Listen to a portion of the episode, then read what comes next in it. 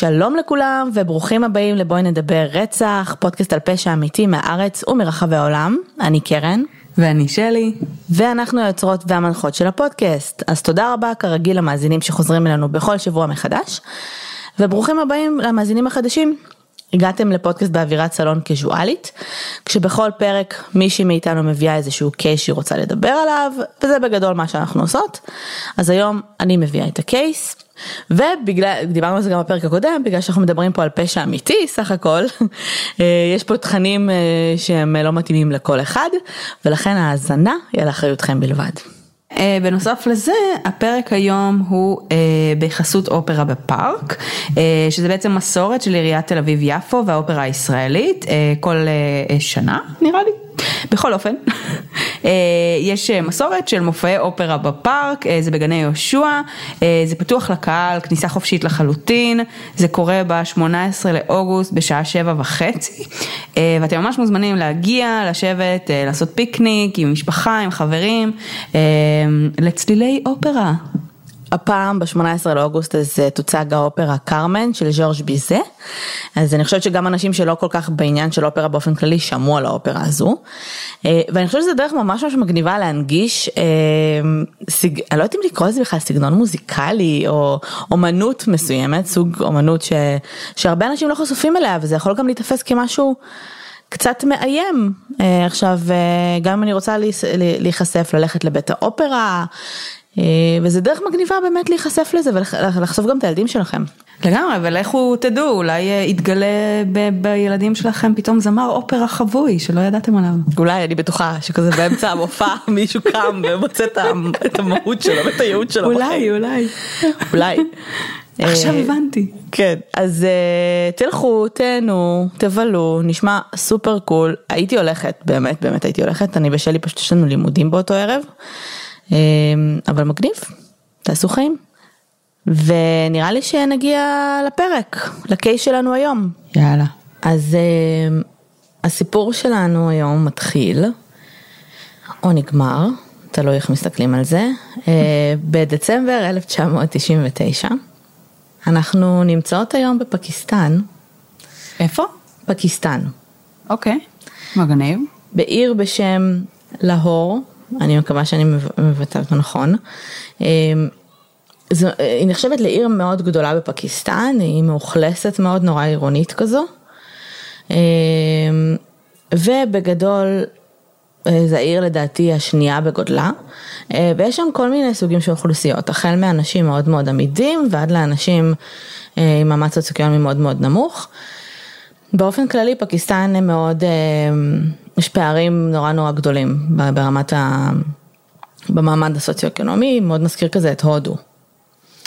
אמ, אז בדצמבר 1999 המשטרה של העיר מקבלת חבילה לתחנה, הם פותחים את החבילה, אני מניחה שאחרי שהם מוודאים שזה לא מטען חבלה, אה, והם מוצאים שם בעצם אמ, מכתב סלש יומן, והרבה מאוד תמונות. המכתב סלש יומן הזה הוא בעצם כולל משהו כמו 30 עמודים כתובים. וכשמתחילים לקרוא אותו, הם מבינים שככל הנראה מדובר בווידוי של רוצח סדרתי, שטוען שהוא רצח 100 ילדים, בנים, בשנה האחרונה. אחלה. אה, מתואר שם בעצם שהוא אנס אותם, אה, רצח אותם, אה, מדובר בקורבנות שבין הגילאים 6 עד 16, אה, רובם הומלסים. הוא היה חוטף אותם ומשאיר אותם בחיים תקופה ממושכת, את חלקם, חלקם הוא היה חוטף ורוצח אחרי ממש כמה דקות, זה היה מאוד מאוד אינדיבידואלי. אמ, בגדול, כשהתחלתי רק לקרוא על הקייס נשמע לי מאוד מוזר שנעלמו 100 ילדים, גם הם הומלסים, אבל 100 ילדים בשנה, בסדר? זה לא שהיה ספן של שנים ואף אחד לא שם לב. עם זאת, כשקצת נכנסים לעומק מה, מה שקרה בעיר הזאת באותה תקופה ובאופן כללי בפקיסטן והדרך שבה משטרת פקיסטן מתנהלת, אז, אז כן גיליתי שא' היו כמויות מטורפות של, אה, של ילדים הומלסים. גם היום אגב פקיסטן היא אה, ברובה מורכבת מאוכלוסייה בוגרת. גילאים 25 עד 54, אבל נגיד 36 אחוזים מכל האוכלוסייה בפקיסטן זה ילדים עד גיל 14, שזה אחוז, זה מלא, אוקיי? זה כאילו יותר משליש. אז היו המון המון המון ילדים הומלסים ברחובות, שכזה קיבצו נתבות. והדבר השני זה שהמשטרה לא הייתה go to של אנשים, בעיקר לא אנשים שהם במאמץ סוציו-אקונומי מאוד נמוך, זאת אומרת שגם אם היו נעלמים ילדים ומישהו שם לב שהם נעלמים, לא תמיד היו הולכים למשטרה, לא בטחו במשטרה, אנשים היו נכנסים לפעמים לחקירות ואז נעלמים או מתאבדים. בגדול פשוט חוטפים את המכות של החיים שלהם מהמשטרה ויש הרבה מאוד שמועות על אנשים שפשוט נרצחים שם ונהרגים שם. ולכן אנשים פשוט העדיפו שלא יהיה להם שום קשר למשטרה, גם אם זה אומר שהילד שלהם נעלם, אז הם לא בהכרח הולכים ומדווחים על זה למשטרה. זה לפחות הסיבות שאני מצאתי לעובדה שמאה ילדים, שוב, זו כמות משוגעת, בשנה, נעלמו ואף אחד, כאילו, המשטרה לא חקרה את זה אפילו. כן. אני מניחה שבאמת אם מדובר על ילדים שהם כאילו חסרי בית, כן. אז שזה כאילו שזו אוכלוסייה שהיא באמת בסיכון מאוד גבוה והרבה מהם נעלמים, מתים, זאת אומרת, זה משהו שקורה הרבה. והוא כאילו סוג של נורמה, עם כמה שזה עצוב, אז עכשיו כשמדובר גם בכמויות כל כך גדולות, כאילו, שרוצח סדרתי בודד יכול לעשות, אז אני חושבת שגם, כאילו, את יודעת, תוסיפי לזה את העובדה שחלק מהם פשוט מתים או נעלמים כי הם חיים ברחוב, אז כאילו זה כנראה פשוט המון המון ילדים שכזה, you don't keep track אני מניחה. נכון, עם זאת, את, כאילו אני מניחה שזה לא ככה שם, אבל מדובר בילדים בני גיל 16 עד 6 עד 16, הם כולם קטינים. Mm-hmm. You would think שיש איזשהו פיקוח, שכאילו גם ילדים שהם בני נגיד 6 והם הומלסים, אף אחד כאילו פשוט לא, כאילו, אוקיי, אז הם הומלסים, כזה, כזה את מבינה? כן, זאת אומרת, למדינה, כאילו, מה שאנחנו מבינים פה זה שיש בעיה מאוד גדולה כן. של ילדים שהם הומלסים, כאילו זה משהו שאנחנו קצת פחות מכירים, נכון. מהמדינות שאנחנו לרוב עושות עליהם קייסים, כי באמת, זאת אומרת, יש איזה יחס אחר כלפי ילדים בארצות הברית, בישראל, כאילו בסטטוס כזה. כן, לרוב זה ילדים שאת יודעת, זה לא שזה בן אדם מבוגר שקרה לו משהו, זה כאילו ילדים mm-hmm. שננטשו, אז הם בלאו הכי לא אמורים לדעת להסתדר לבד, אז כאילו, זה מוזר שאף אחד לא זה, אבל בסדר. אז בכל אופן הוא ממשיך ומספר במכתב שהוא היה אונס את הבנים האלה, רוצח אותם בחניקה, מוותר אותם ונפטר מהגופות על ידי המסע שלהם בחומצה. ואת החומצה, אנחנו יודעים גם, מי ששמע פרקים קודמים שלנו, יודע שזה לוקח זמן, בסדר? זה לא כמו לבה, זה לא כמו סצנה בשליחות קטלנית שכאילו אתה פשוט נמס. אם אתה שם גופה בחומצה זה לוקח ימים גם או שעות ארוכות. כולנו זוכרים את ניסוי השן בקולה, זה לוקח שן אחת בקולה לילה שלם, נכון, משהו כזה. נכון. אז תחשבו על גופה שלמה. אז אני רוצה להאמין שחומצה אה, קצת יותר קטלנית מקולה. תראי, גם קולה זו חומצה, כן? כן, כן. אה, והיא אפילו די אה, כאילו לא רעה בכלל. אבל כן, יש חומצות יותר אגרסיביות, עדיין אני מניחה שזה באמת... זה לוקח זמן. כן. אז, אז אחרי שהוא ממיס את הגופות בחומצה, הוא אמר שהוא היה שופך את החומצה על הנהר המקומי. ממש מקווה שהם לא שותים את המים שלה, אני לא יודעת מאיפה המים לשתייה שלהם מגיעים, אני ממש מקווה שלא מהנהר הזה, כי זה כמות משוגעת, זה 100 גופות בשנה אחת, זה מרגיש שהיה צריך להיות שם טעם לוואי, אם, אם, אם זה באמת מה שקרה. כנראה לא המים הכי טעימים בעולם. כנראה. או שיש להם טעם של קולה. כן.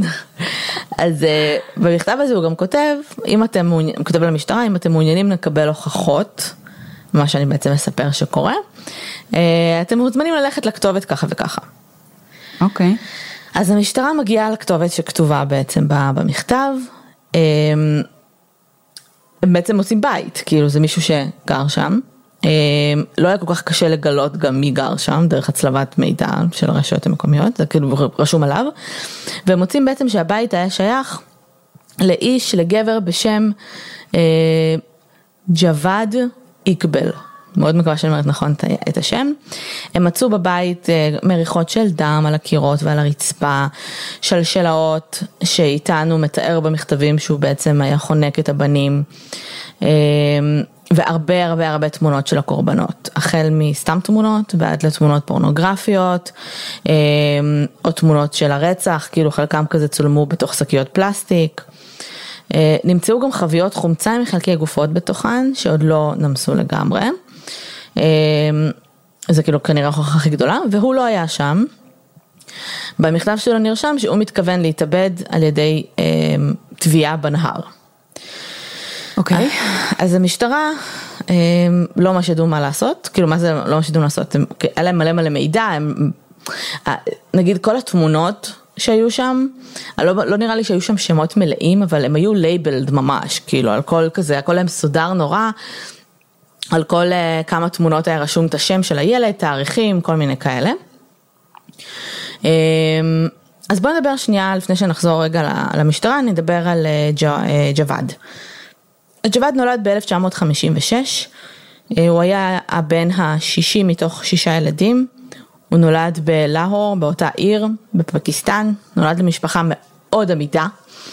Um, אבא שלו איש עסקים מאוד מצליח, היה איזה איש אה, כזה, אה, לא יודעת, אה, שקיבל מלא מלא ירושה, הוא פשוט היה איש שעבד מאוד מאוד קשה, צמח מלמטה, כשהמטרה שלו הייתה בעצם להצליח ולפרנס את המשפחה שלו.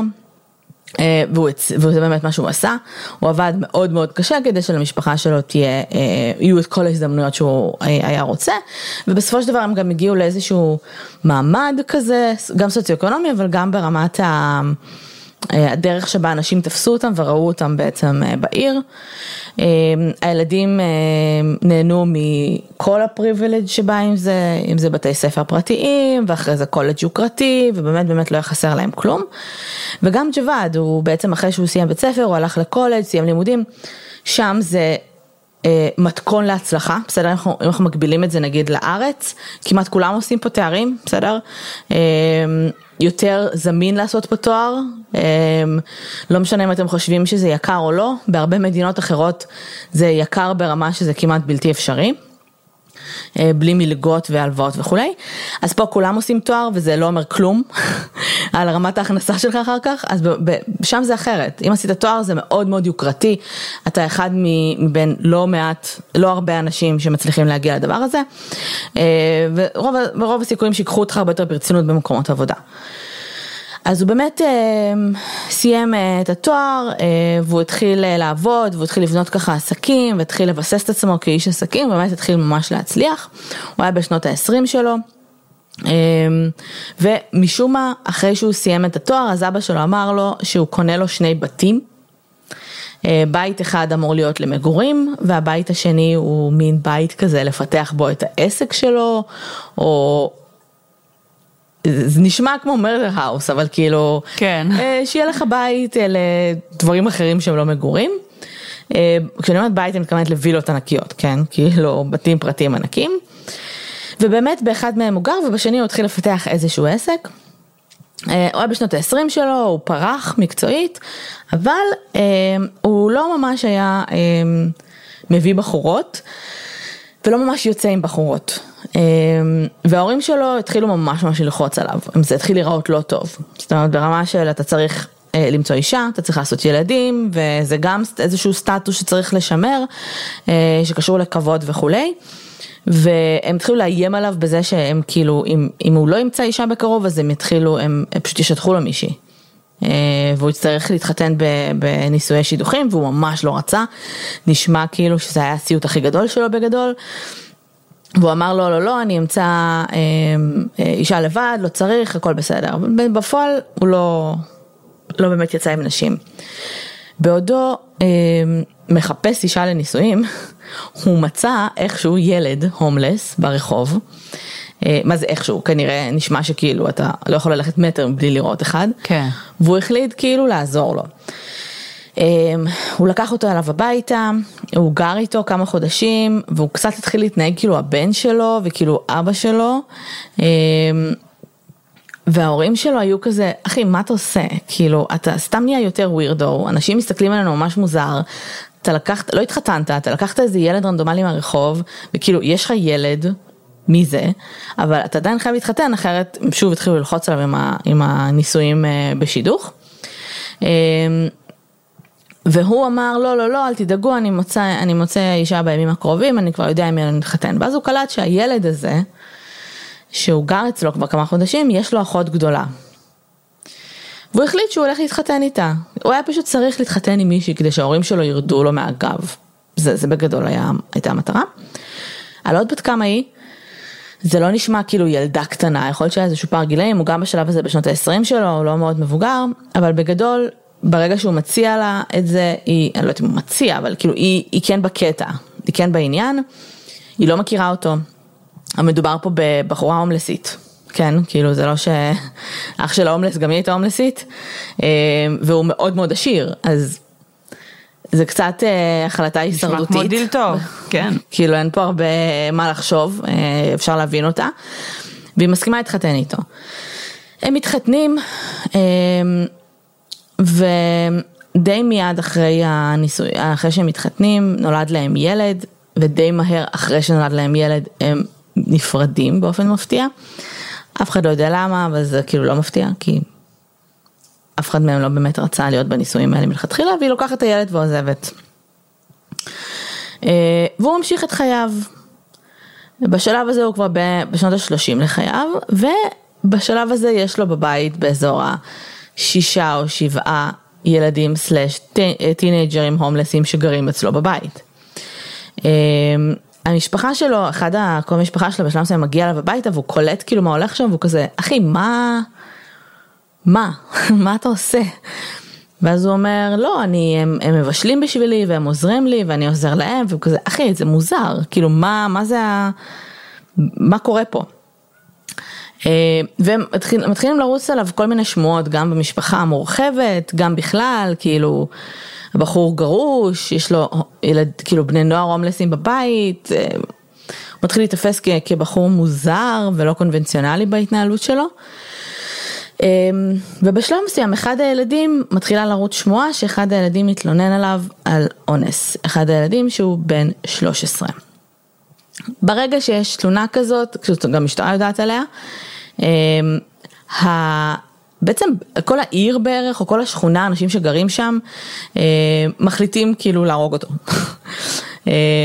לא את הילד, את ג'וואד, כי הוא כאילו, פשוט מחליטים שזה מה שהם עושים.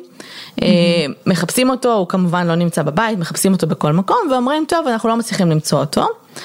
מה הדבר הכי קרוב? בואו נמצא את אבא שלו וכאילו נהרוג אותו. אה, מעולה. איזה, איזה, איך לא חשבתי על זה בעצמי? כן. כל כך מתבקש. אז אה, הם מגיעים לבית של אבא שלו, וגם הם לא שם, כי הם הבינו שאנשים רודפים אחריהם, אז הם כאילו, אבא שלו ואח שלו ועוד כל מיני קרובים במשפחה, הולכים להתחבא.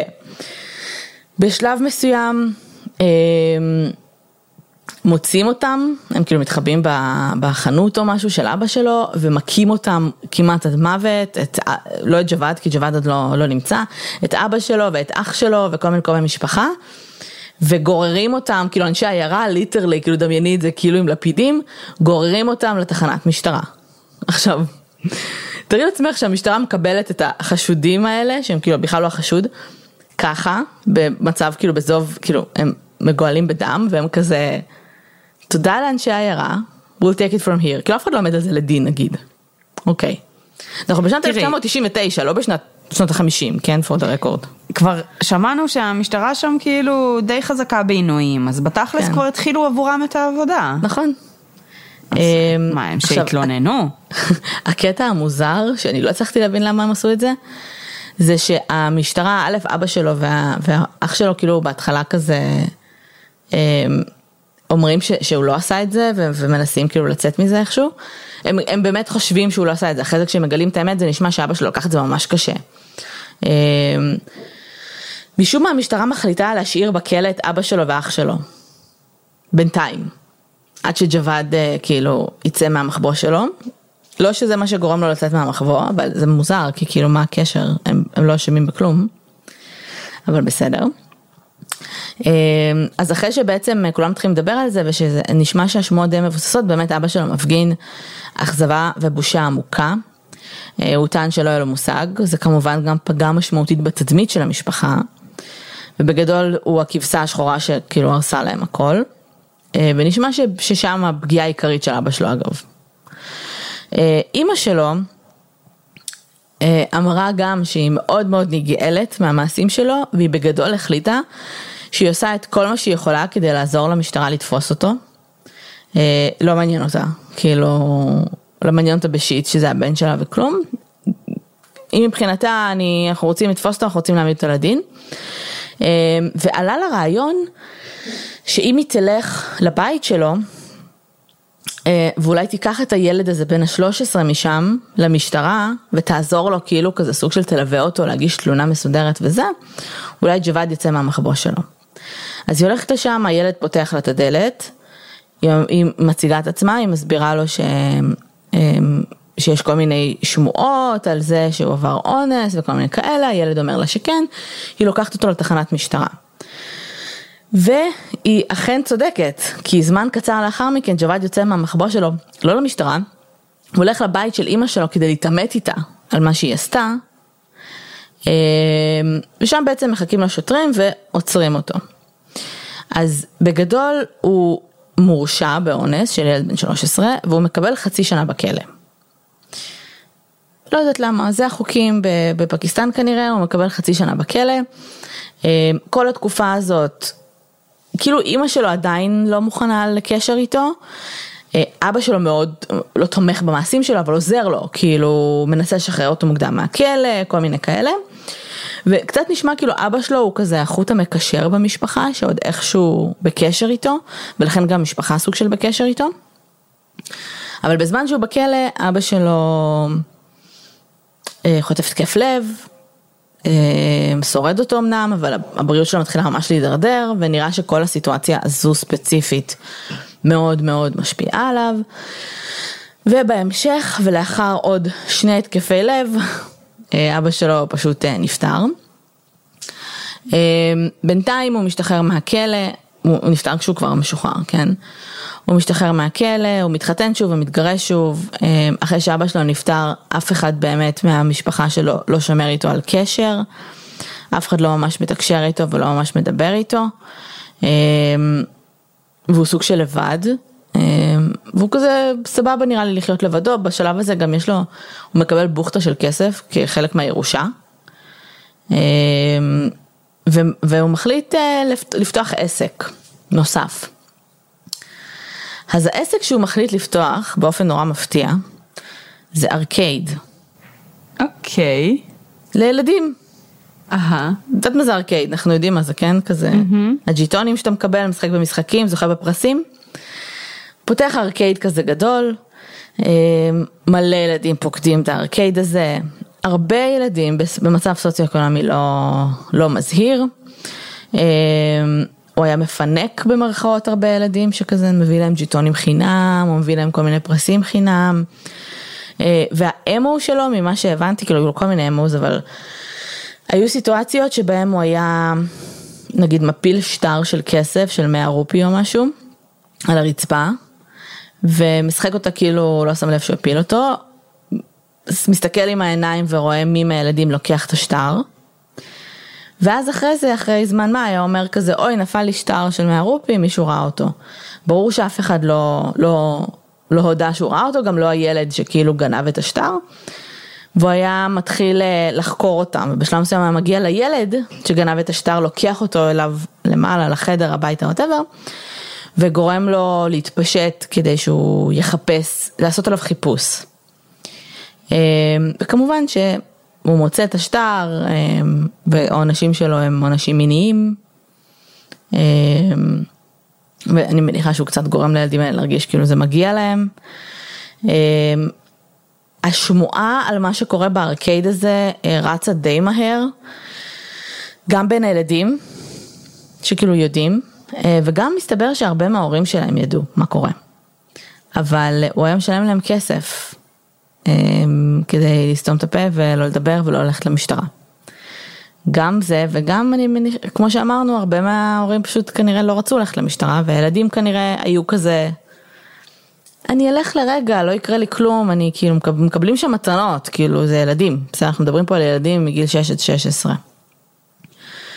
אז זה נמשך זמן מה, עכשיו בשלב הזה, הוא, בשלב הזה הוא לא מבצע רצח, חשוב להגיד, כאילו אנחנו נמצאים בשלב שבו הוא אונס ומתעלל מינית בילדים והוא פדופיל, סבבה?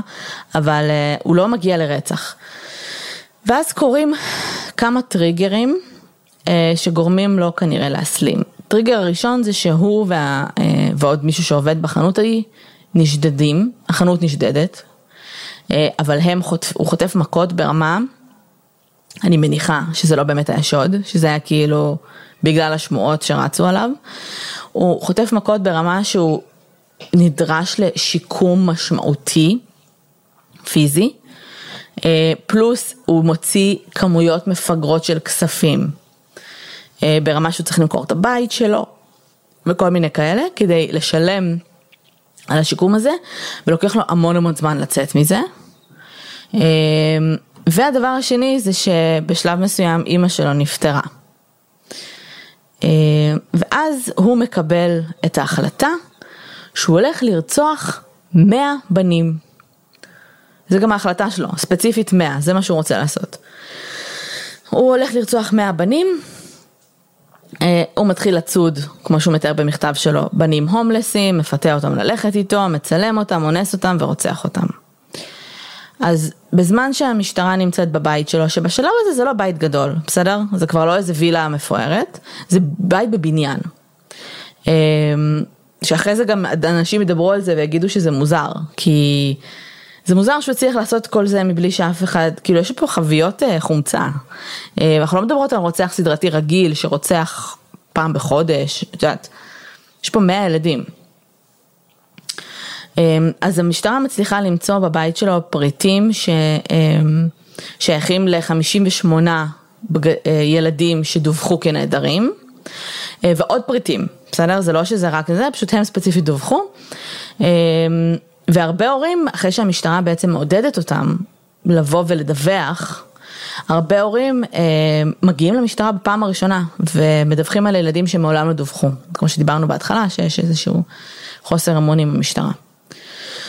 אז המשטרה מחפשת את ג'וואד בנהר, שם הוא תכנן להתאבד, הם, אה, הם, הם המון כאילו צוללנים, בלאגנים, הם לא מצליחים למצוא אותו. אה, ואז ב-30 לדצמבר 1999 נכנס גבר אה, שנראה הומלס בלבוש שלו, לכזה חברת, חברת תקשורת, כאילו עיתונאים, כאילו אנשים שמסתובבים שם כל הזמן עיתונאים. אה, והוא אומר להם, אני ג'וואד איקבל, הוא קורא לעצמו, אה, כאילו ככה, ככה, ככה לפחות רושמים את זה באנגלית, אני לא יודעת איך הוא אמר את זה בפקיסטני, כאילו זה, The killer of a hundred boys, אה, אני שונא את העולם הזה, אני לא מתחרט על מעשיי ואני מוכן למות.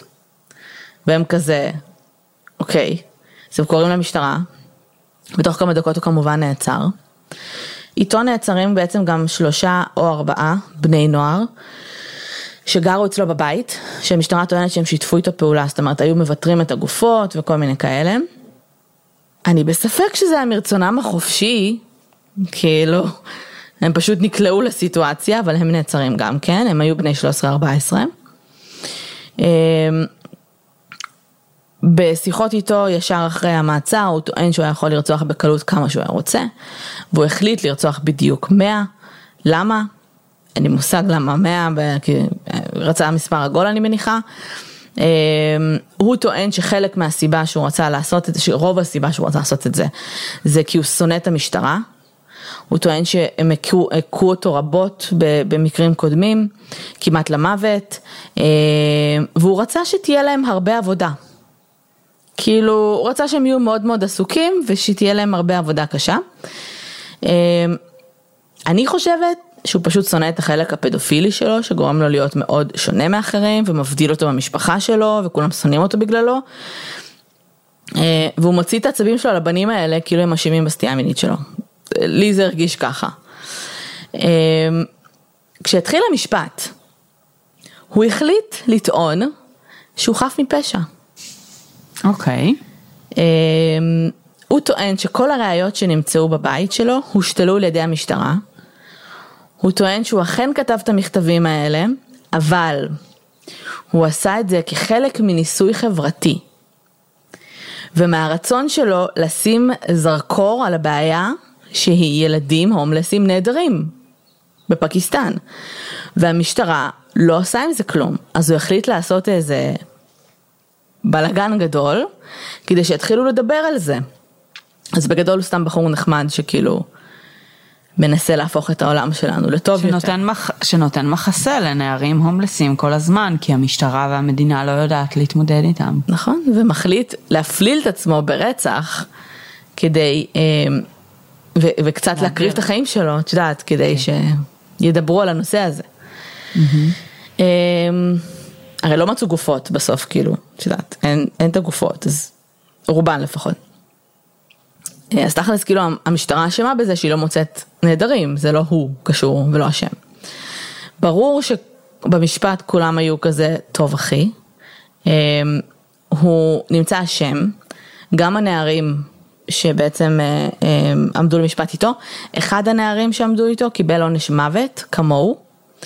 נשמע שאחד מהם היה כאילו קצת סדיסט, אני לא יודעת מה היה שם, אבל כאילו נשמע כאילו אחד מהם קצת נהנה מזה יותר מדי, מהשיתוף פעולה הזה, לא יודעת. אין על זה יותר מדי מידע, אבל הוא קיבל גזר דין מוות, ושימי לב להצהרה שהשופט נתן, שנתן את גזר, את גזר דין, מעבר לזה שהוא אמר שהוא כמובן מפלצת והוא בושה לאנושות והוא השטן, הוא אמר לו שהוא גוזר עליו גזר דין מוות, ואז הוא אמר, אתה תוצא להורג בחניקה, למוות, מול ההורים של הילדים שרצחת, לאחר מכן הגופה שלך תבוטר למאה חלקים, וואו. ישימו אותה בחבית חומצה, אוקיי? עכשיו, אנחנו ב-1999, אנחנו אמנם בפקיסטן, אבל יש כאילו כל מיני אה, רשויות, את יודעת, לזכויות האדם וכאלה, שיצאו בהצהרה די מהר. אחי, אתה לא יכול לעשות את זה.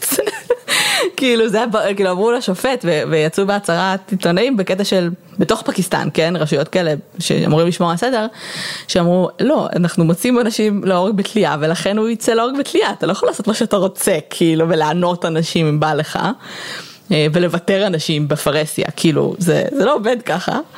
אנשים כמובן ממש עפו על זה, כן? הם התלהבו כאילו מה... ממה ברור. שהשופט אמר, כי זה עין תחת עין וזה אה, וכאלה. אה, אז לא, אז הוא פשוט תנ"כי. החליטו להוציא אותו להורג בתלייה, כאילו, רגיל. אה, בלי חומצה אחר כך. בלי חומצה אחר כך.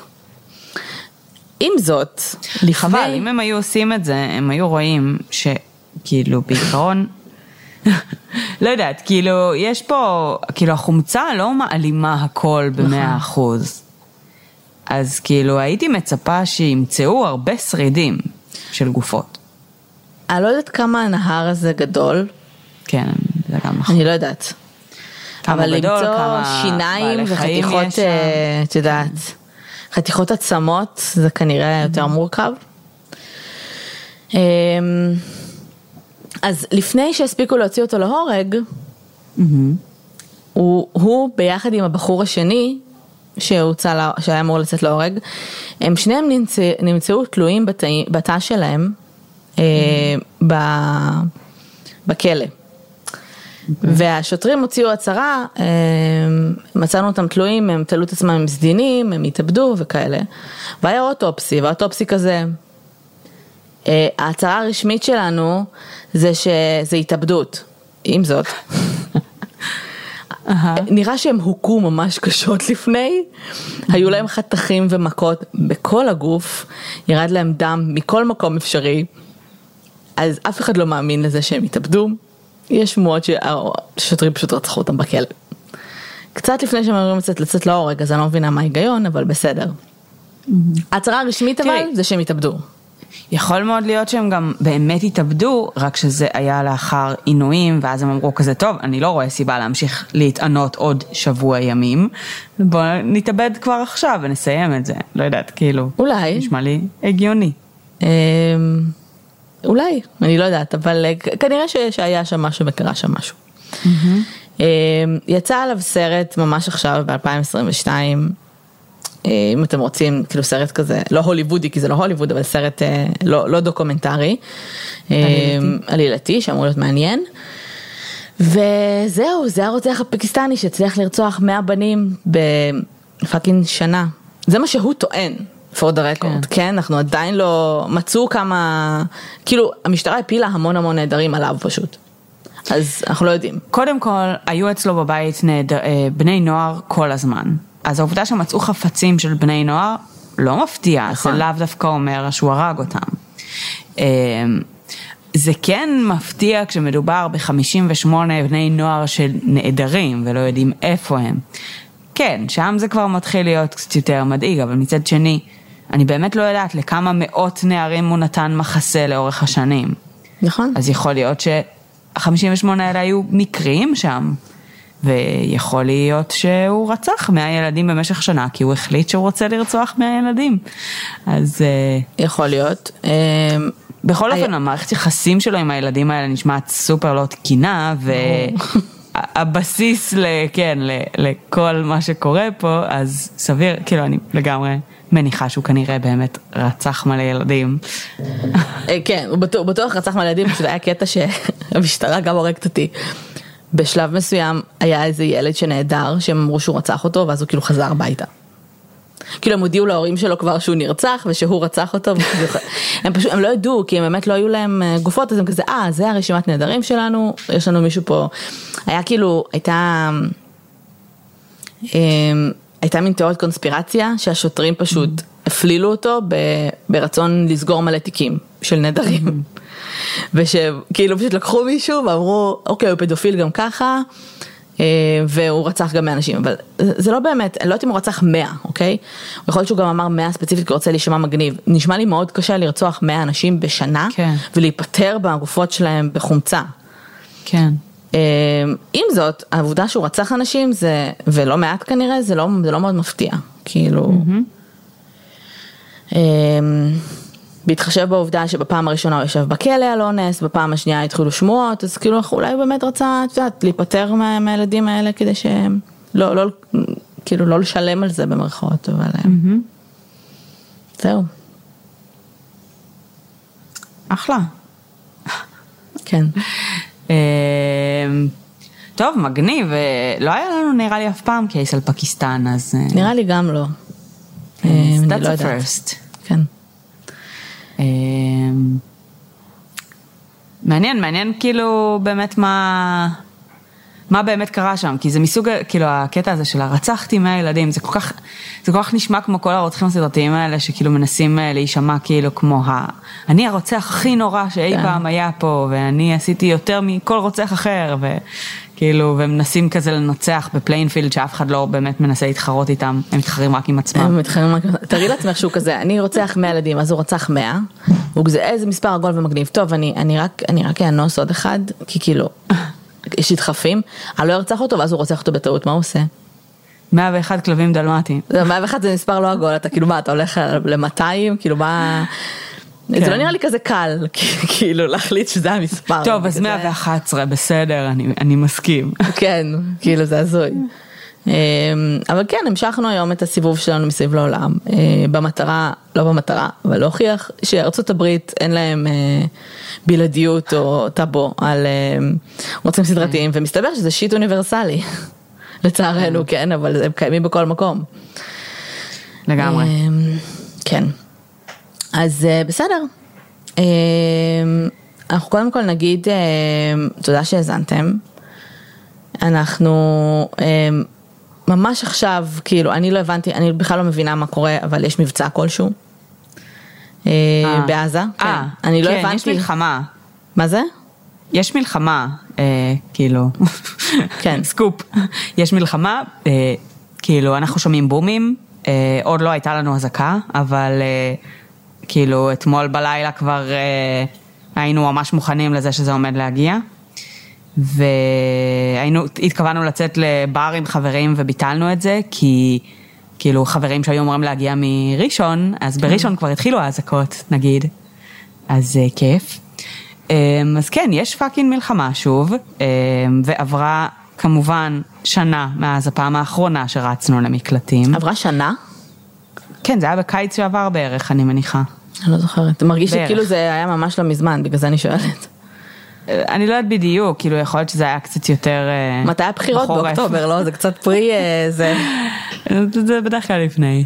אמ, הסיפור הכי עצוב אגב זה שחברת צוות אה, אצלנו בחברה עשתה עלייה.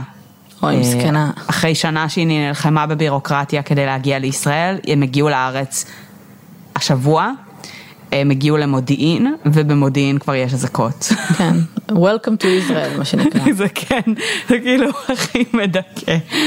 אמ, אז אה, אני מאוד מקווה שהיא לא מתחרטת על ההחלטה הזאת, ואם כן, אז שפשוט כאילו, ת- ת- ת- תחזור כל עוד היא עוד יכולה. כן. אני לא חושבת שאתה לא יודע מה קורה בישראל לפני שאתה עולה לארץ. כן, כאילו, אבל... לא, היא יודעת, אבל אה, כאילו, obviously הם יודעים, אבל אתה לא חושב שאתה תגיע ושבוע אחרי זה יהיה. fucking מלחמה. אז אה, כן. אה, בסדר, תשמרו על עצמכם. אה, כרגע בעיקר החבר'ה הדרומים ובעוטף. לא יודעת מה להגיד לכם. זה כאילו כבר נהיה נורמה, אבל hopefully זה, זה ייגמר במהרה. ונוכל לחזור לחיים שלנו איכשהו. וזהו, ואנחנו מזכירות לכם, אני מקווה שזה יצא לפועל אה, עם המלחמה, ואנחנו מזכירות לכם שהפרק הזה הוא בחסות אופרה בפארק, בחסות עיריית תל אביב-יפו אה, והאופרה הישראלית, אה, שבעצם מקיימים איזושהי מסורת של מופעי אופרה בפארק, בגני יהושע.